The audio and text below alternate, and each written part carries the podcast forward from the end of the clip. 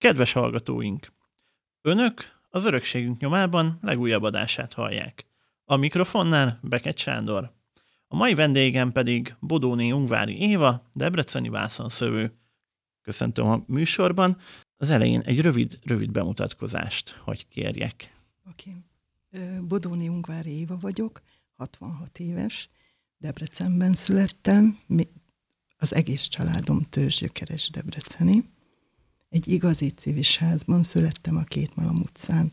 Nagyszüleim mind a ketten civis polgárok voltak, ami azt jelenti, hogy Debrecenben rendelkeztek egy szép civis házzal, de Debrecen környékén gazdálkodtak, hortobágyon tartottak juhokat, a másik nagyapám pedig Bagos környékén a földeken gazdálkodott.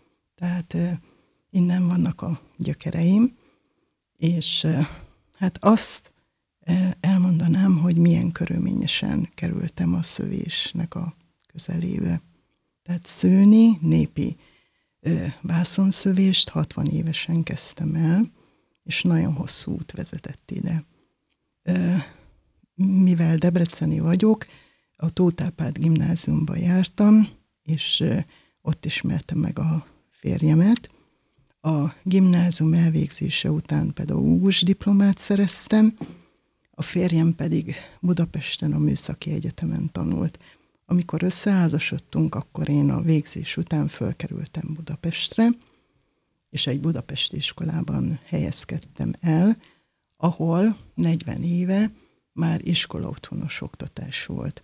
Az iskola otthonos oktatásban csak két tanórát adott a tanító, a többi időszakban pedig a szabadidős tevékenységre fordította az energiát, tehát ott elkezdtünk kézműveskedni, múzeumokba jártunk, sportoltunk, tehát egy ilyen kreatív tevékenységet végeztünk, és én akkor már pedagógusként nagyon fontosnak tartottam, hogy a gyerekeket gondolkodtassam, illetve a kreatív képességüket fejleszem. 50 évesen szereztem meg a második diplomámat, ami felnőtt képzési vagy felnőtt oktatási szakértő. És ezt azért végeztem el, hogy megtudjam, hogy a felnőtteket hogy lehet motiválni a tanulásra. Uh-huh. Nagyjából választ is kaptam erre. A legfontosabb, amit ott megtanultam, az volt, hogy minden embernek van valami speciális tudása, erőssége, és mi akkor fejlődünk a legjobban, hogyha a mások tudását, a tőlünk eltérő tudását elfogadjuk, és magunkévá tesszük. Tehát én azóta hiszek abban, hogy egyen értékűek vagyunk, és talán már elveszett az a fajta oktatás, amikor azt gondoljuk, hogy valaki föntről vagy a pulbitusról mondhatja meg csak a tudásnak a, a, az értékét. Na most ebben a felnőtt képzési, felnőtt oktatási szakon akkor a munkanélküliek átképzése volt a legfontosabb cél. Tehát ez 2007-ben volt, de engem nem az a része izgatott, hanem az a része, hogy aki aktívan dolgozik, és részt vesz a, a társadalom életében, annak is mutassunk utat, hogy hogy képezheti magát, hogy tanulhat, illetve hogy töltheti el értelmesen a szabad idejét, hogy ő kikapcsolódjon, feltöltődjön, illetve a stresszt oldja. 2007-ben, amikor ezt a második diplomát megszereztem, ugyanakkor ö, a fiam megnősült, és egy holland lányt ö, vett feleségül.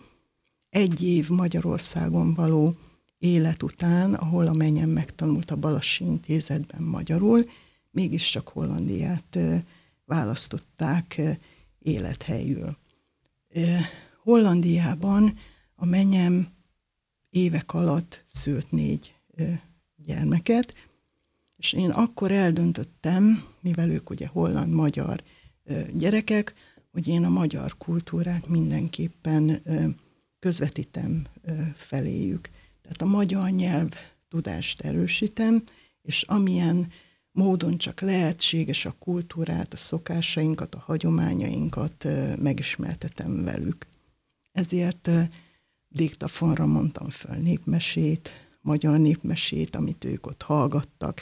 Ha Magyarországra jöttek, akkor vittük őket, vagy Debrecenbe, a Vojtina Báb színházba, a Csokonai színházba, minden múzeumokba, mindenhova vittük őket, és éreztem, hogy a népművészettel, a népi hagyományokkal is meg kellene őket ismertetni, és ezért, hogy minél hitelesebben tudjam ezt átadni, a Tímárházban elvégeztem a Népi Játszóház vezetői tanfolyamot. Itt húsz kismesterséggel ismerkedtünk meg, belekóstoltunk a veszőszövéstől, a szövés, a keramikusság, gyékény, mm, nagyon sok mesterségbe, és nekem legjobban a nemezelés, a gyöngyszövés és a vászonszövés tetszett meg. Tehát én itt ismertem meg a vászonszövést. És akkor, hogy mi vezetett el ahhoz, a legfontosabb dolog, hogy 60 évesen elkezdtem szőni, amikor Debrecenbe visszaköltöztünk Budapestről a tanítás után, akkor egy családi döntés eredményeként én a mm, férjem számítástechnikai vállalkozásában helyezkedtem el. Hát ez ugye 40 éve volt, akkor a számítástechnika gyerekcipőben járt. Mi hardverrel és szoftverrel is foglalkoztunk. Mondhatom, hogy a városban piacvezetők voltunk, akkor is törekedtünk arra, hogy a legújabb dolgokat az akkori számítástechnikai kiállításon a Bartók terembe bemutassuk, de a mindennapok is arról szóltak, hogy új technikai kihívások, új feladatok, szerviz, probléma megoldás. Tehát ez eléggé igénybe veszi, veszi a, az embert, hogy mindig az újra és újra nyitottan reagáljon. Egy olyan 15 éve még pluszba bekapcsolódtunk a Magyar Telekomnak a munkájába a külsős ügyfélként, tehát, és ügyviteli szoftvereket is forgalmaztunk, tehát egyszerre több száz ügyfélnek kellett a, a hardveres, szoftveres vagy telekommunikációs problémáját megoldani. És ez borzasztó stresszt okozott az emberben, főleg, ha valaki a munkáját úgy végzi, hogy empatikus az ügyfelével, és a mai világ pedig annyira fölgyorsult, hogy, hogy nagyon gyorsan igénylik az emberek a, a megoldást vagy a választ. És akkor éreztem el 60 évesen, hogy valahol le kell higgadnom, és le kell csendesednem. És itt ért össze mindaz a szál, amit eddig elmondtam, hogy pedagógusként tudtam, felnőtt képzési szakértőként, hogy hosszan kell tanulni, tehát élethosszig kell tanulni, és tudtam azt, hogy valami népi mesterséget, amit az unokáimnak én tovább tudok adni, és így jutottam el a vászonszövéshez. Ez az innovatív szemlélet, akkor most már így ugye a műsor előtt beszélgettünk, hogy, hogy nyitottnak kell lenni a, a, az új dolgokra, meg a modern világra, de, de a, azért a hagyományaink, gyökereinket sem szabad elfelejteni. Most már akkor értem, hogy, hogy honnan, is, honnan is ered ez a, ez a szemlélet. Itt a szövés kapcsán hogy tanulta meg, interneten keresztül, esetleg közösségben, ez, ez, ez hogy nézett ki? Igen. A Népi Játszóház vezetői tanfolyamon ismertem meg Petrovics Nikit, aki akkor egy 24 éves fiatal lány volt, és 60 évesen nekem nem volt ez idegen, hogy egy fiataltól tanuljak, aki ismeri ezt a szakmát jobban, mint én. Tehát a Hajdubihar megyei Népművészeti Egyesületben hetente egy-két órában az alapfogásokat tanultam meg tőle, de hamar rájöttem, hogy ezt otthon is gyakorolni kell. Tehát amint tudtam, vettem egy szövőszéket, egy paraszt imitációs szövőszéket, Balta József fafaragó készítette, és ezen kezdtem el otthon szőni, illetve rengeteg könyvet bújtam. Interneten nem nagyon volt még akkor anyag, könyv sem nagyon, tehát azóta jelentek meg, tehát az elmúlt öt évben jelentek meg. Nagyon nagy tudású, összefoglaló könyvek, amit, amik a szövésről szólnak, tehát nagyon sokat kellett kutakodni, esetleg gyűjtöttem, kerestem még olyan asszonyokat, akik birtokában vannak a tudásnak, de azt mondhatjuk, hogy nincsenek ilyen asszonyok, kvázi, mert egy generáció kimaradt. Tehát a szövésről tudni kell, hogy Debrecenben posztószövés volt. Az gyapjuszövés, ez a gubaszövés, mert itt annak volt meg a feltétele, hiszen mondtam, hogy egy debreceni gazda a holtobágyon tartotta a juhát, és annak a racka juhnak a szőréből készült a, a szövés. Mi vászonszövéssel foglalkozunk. Ennek a hagyománya az a paraszti vászonszövés. Na most Magyarországon kenderből szőttek, és a gazdák meg is termelték a kendel szükségletüket a földön.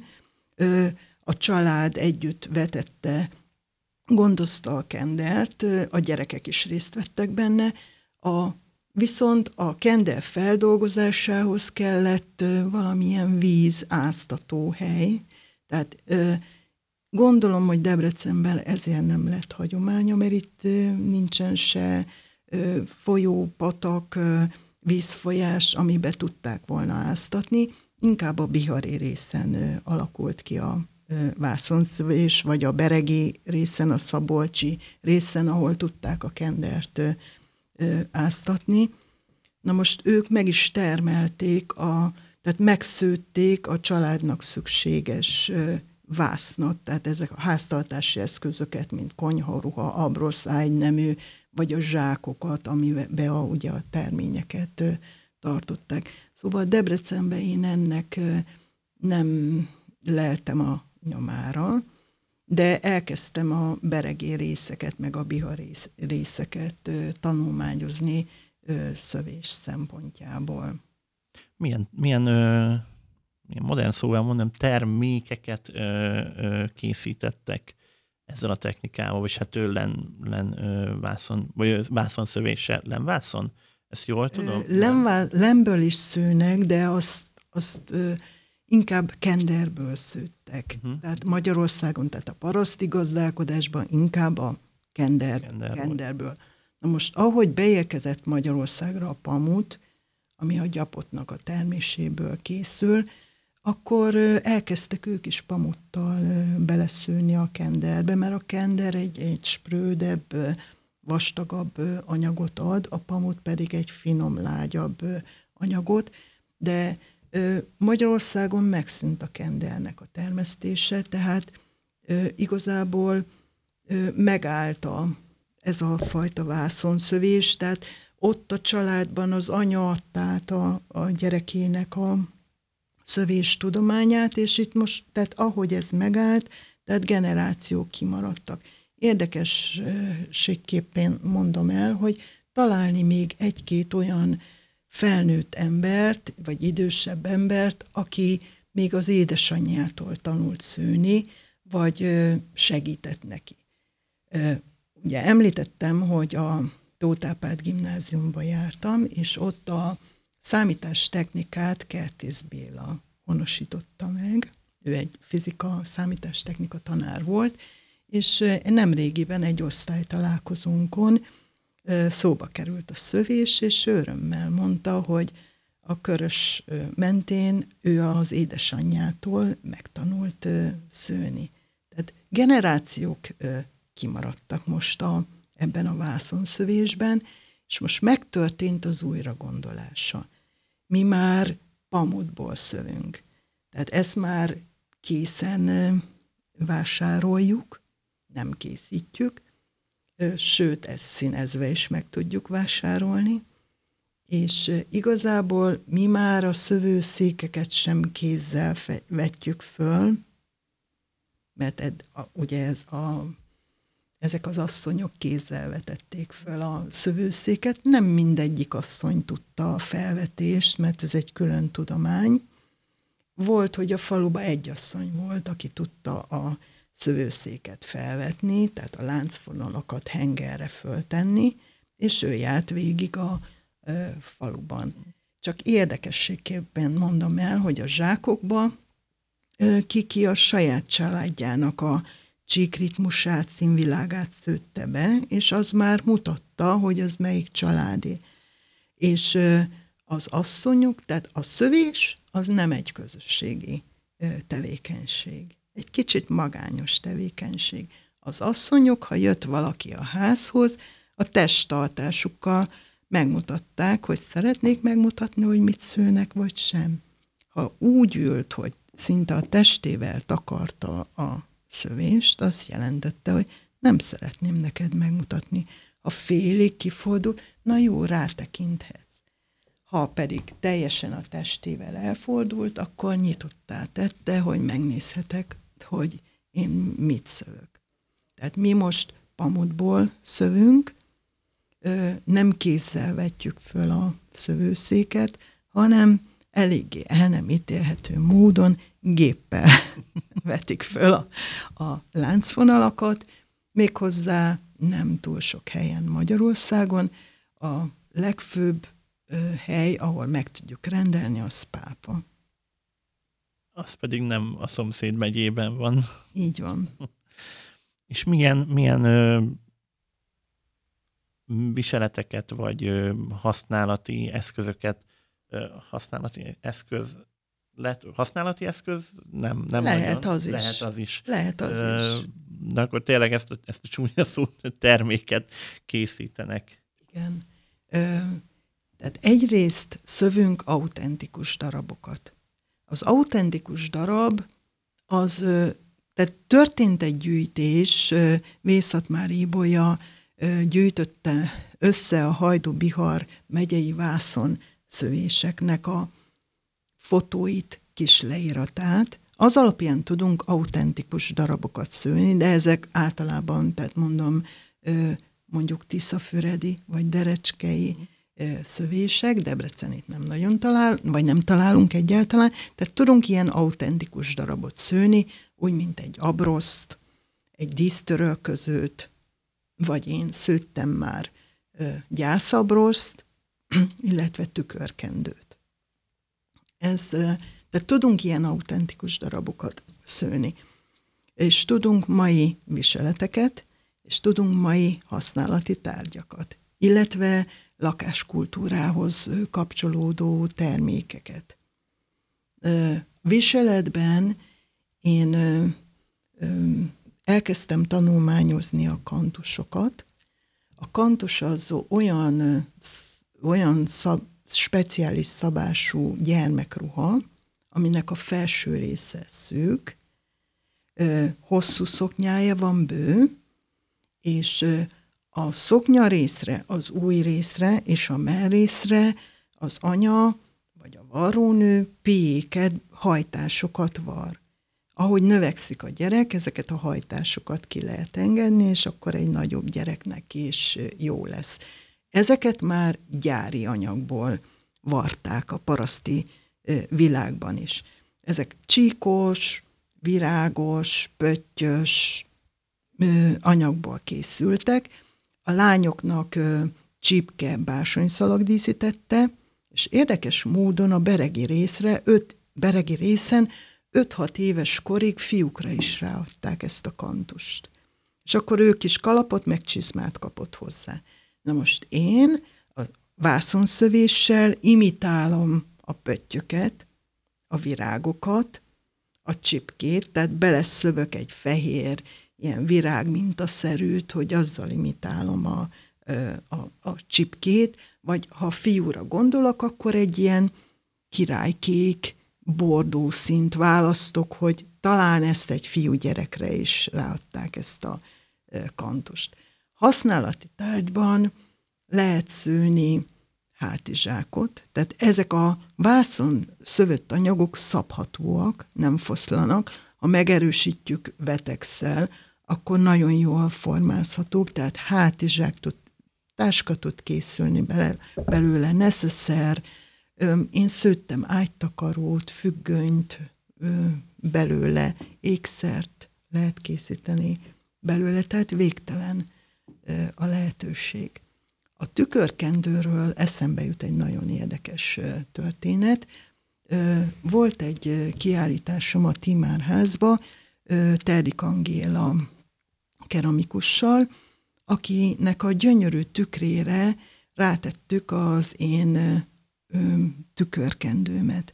És a kiállítás megnyitón többen megkérdezték, hogy mi is ez a tükörkendő, mert nem nagyon ismerik. A kiállítás után néhány hónappal Hollandiában jártam a fiaméknál, és elmentünk egy szövő múzeumba.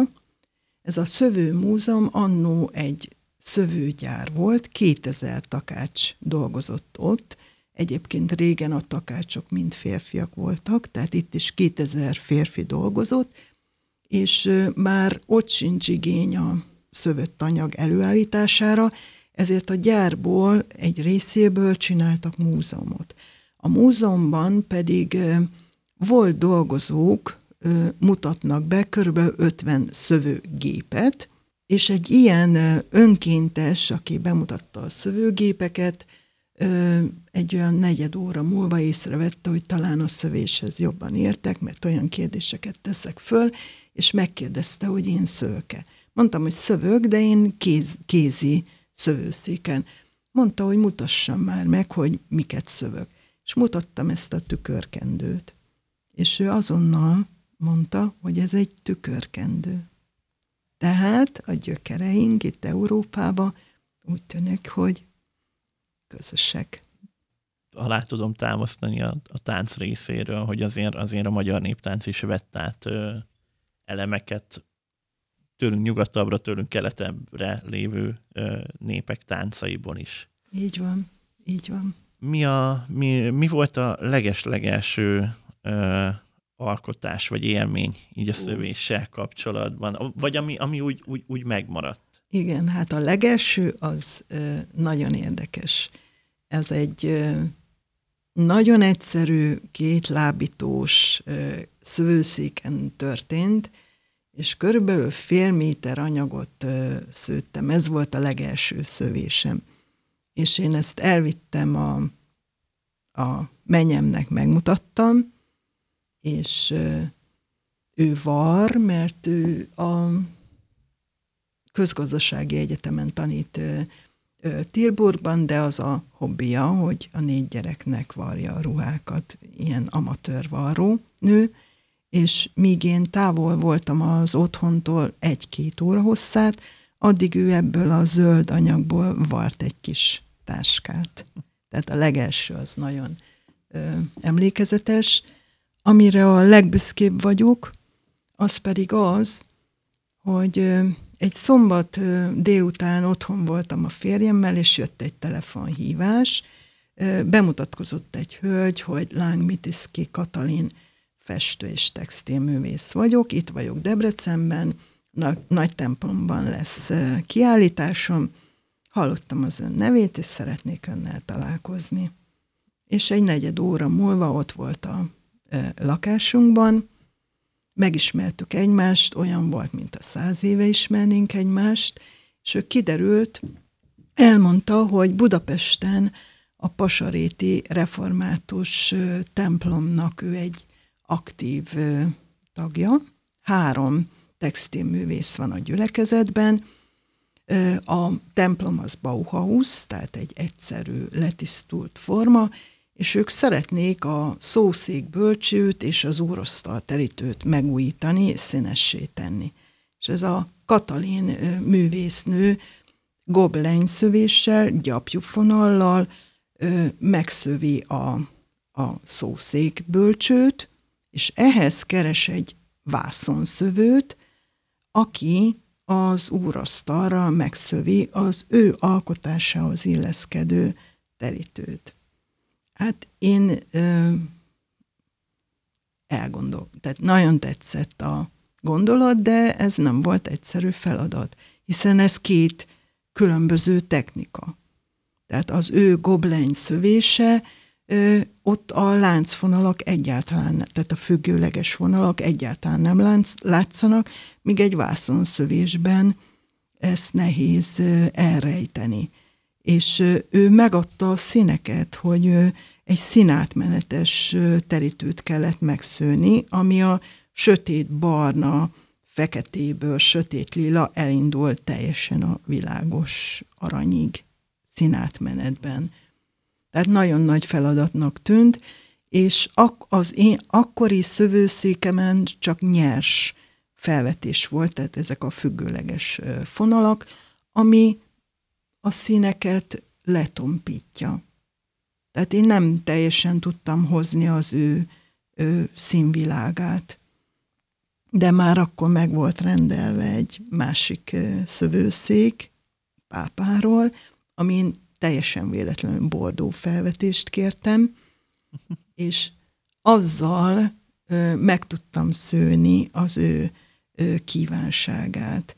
Ö, amikor februárban átadtuk a Pasaréti református templomba a szószék bölcsőt és az úrasztalterítőt, a gyülekezet tagjai nem akarták elhinni, hogy ez két ember szütte, két külön városban, két különböző technikával, két különböző fonallal, mert annyira illeszkedett a két szövés egymáshoz. Szóval erre a szövésemre vagyok a legbüszkébb.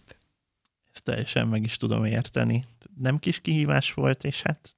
És sikerült. Siker, sikerrel járt. És azóta is lelki kapcsolatban vagyunk. Akkor még egy jó barátság is született a közös munkából. Ö, hogy illeszkedik be a hétköznapokba a szövés? Főprofil, vagy, vagy mellékállás, mellékállás? Nem állás. Nem, nem. Uh, hobbi? Hobbi. hobbi. Én hobbi szövőnek tartom magamat, tehát a számítástechnikai vállalkozásunk az még mai nap is ö, dolgozik, tehát nem akkora elánnal és akkora erővel, mint az elmúlt évtizedekben, de még ad feladatot. Én délután szoktam szőni, illetve most már a, hát igen, a munkahelyünknek a felső szintjén, ami eddig üzleti tárgyaló volt, most kialakítottunk egy szövőműhely, itt, tehát ha a munka engedi, akkor én a felső szinten ö, ö, tudok szőni, de otthon is van szövőszékem, illetve a Timárházba van egy ö, kis szakköröm, ahol szeret, szeretem népszerűsíteni a szövést. Tehát, ö, és vezetek most egy A szakkört, ahol szintén népszerűsítem a szövést. Én annyira megszerettem a szövést, mert úgy érzem, hogy megnyugtatja az embert, lelki békét talál benne, hogy szeretem ezt másoknak átadni, és a mi kis szakkörünk olyan, hogy szinte a lelki dolgok megbeszélése a legfontosabb, és közbe jár a kezünk, lábunk és szövünk. Tehát én fő célnak azt tehát én nem nagyon adok el. Rengeteg szövött termékem van, viseletem, nem nagyon tudok tőlük megválni, mert nagyon szeretem őket, tehát nem nagyon adok el, inkább népszerűsíteni szeretem. Amire még nagyon büszke vagyok, hogy egy Tóterpádos osztálytalálkozón nemrégiben, a 43. valami ilyesmi, az egyik osztálytársamról mm, kiderült, hogy ő még ő is szövéssel foglalkozik. De ő Debrecenben egy szalag szövő üzemet visz és beszélgettünk mi eddig is, de nem a szövésről. Most így, hogy kiderült, hogy mind a ketten szövünk, ellátogattam az ő szalagszövő gyárába, a Füredi útra. és kiderült, hogy az egyik termében kilenc Jacquard szövőgép áll, mert ezek ilyen teremnyi szövőgépek, tehát ilyen szalagszövőgépek, mert nem talál már hozzá gépmestert, és az ő eddigi gépmestere pedig nyugdíjba ment.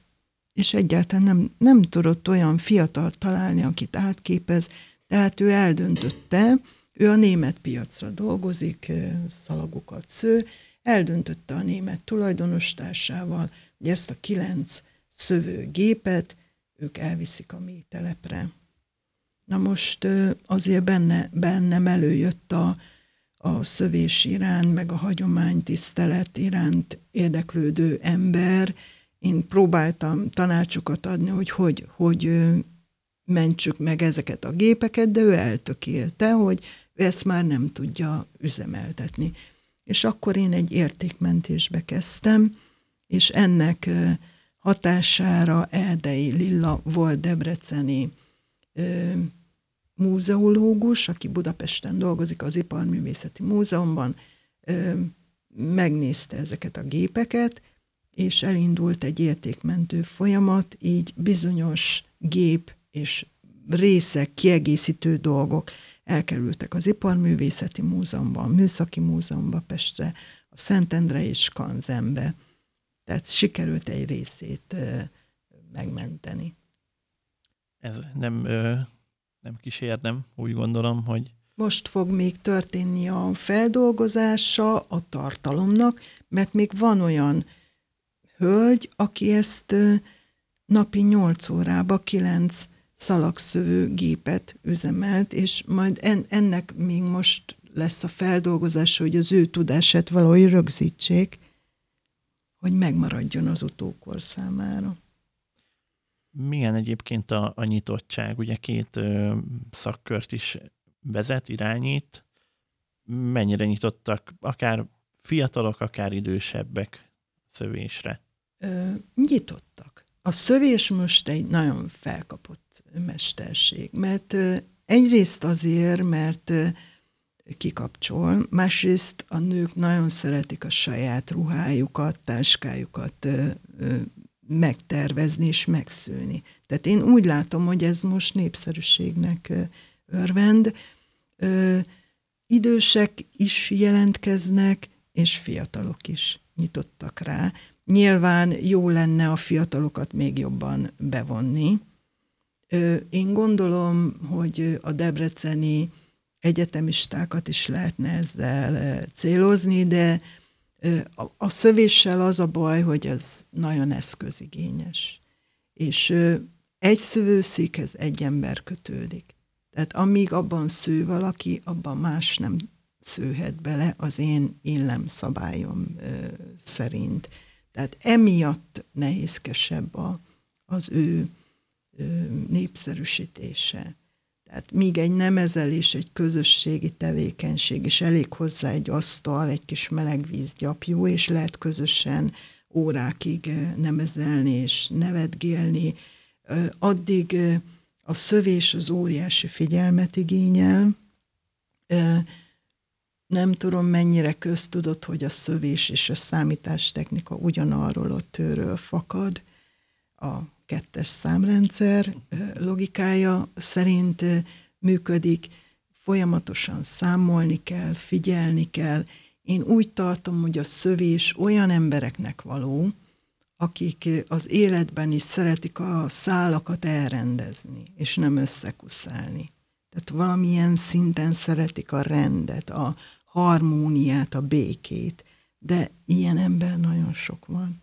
Én büszke vagyok rá, hogy a kis szakkörömbe nem egy férfi leült szőni. Az övéké volt egyébként, tehát a takácsmester a férfiaknak a tudománya volt, és nem egy egyetemi hallgató kipróbálta már.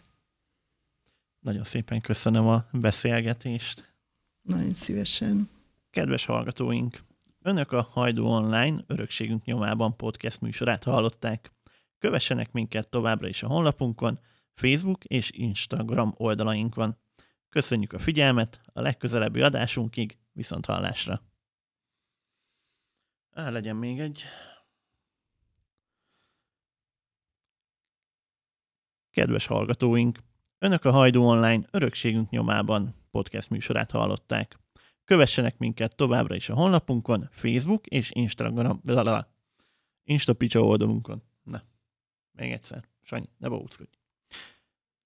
Kedves hallgatóink! Önök a Hajdú Online örökségünk nyomában podcast műsorát hallották. Kövessenek minket továbbra is a honlapunkon, Facebook és Instagram oldalainkon. Köszönjük a figyelmet, a legközelebbi adásunkig, viszont hallásra!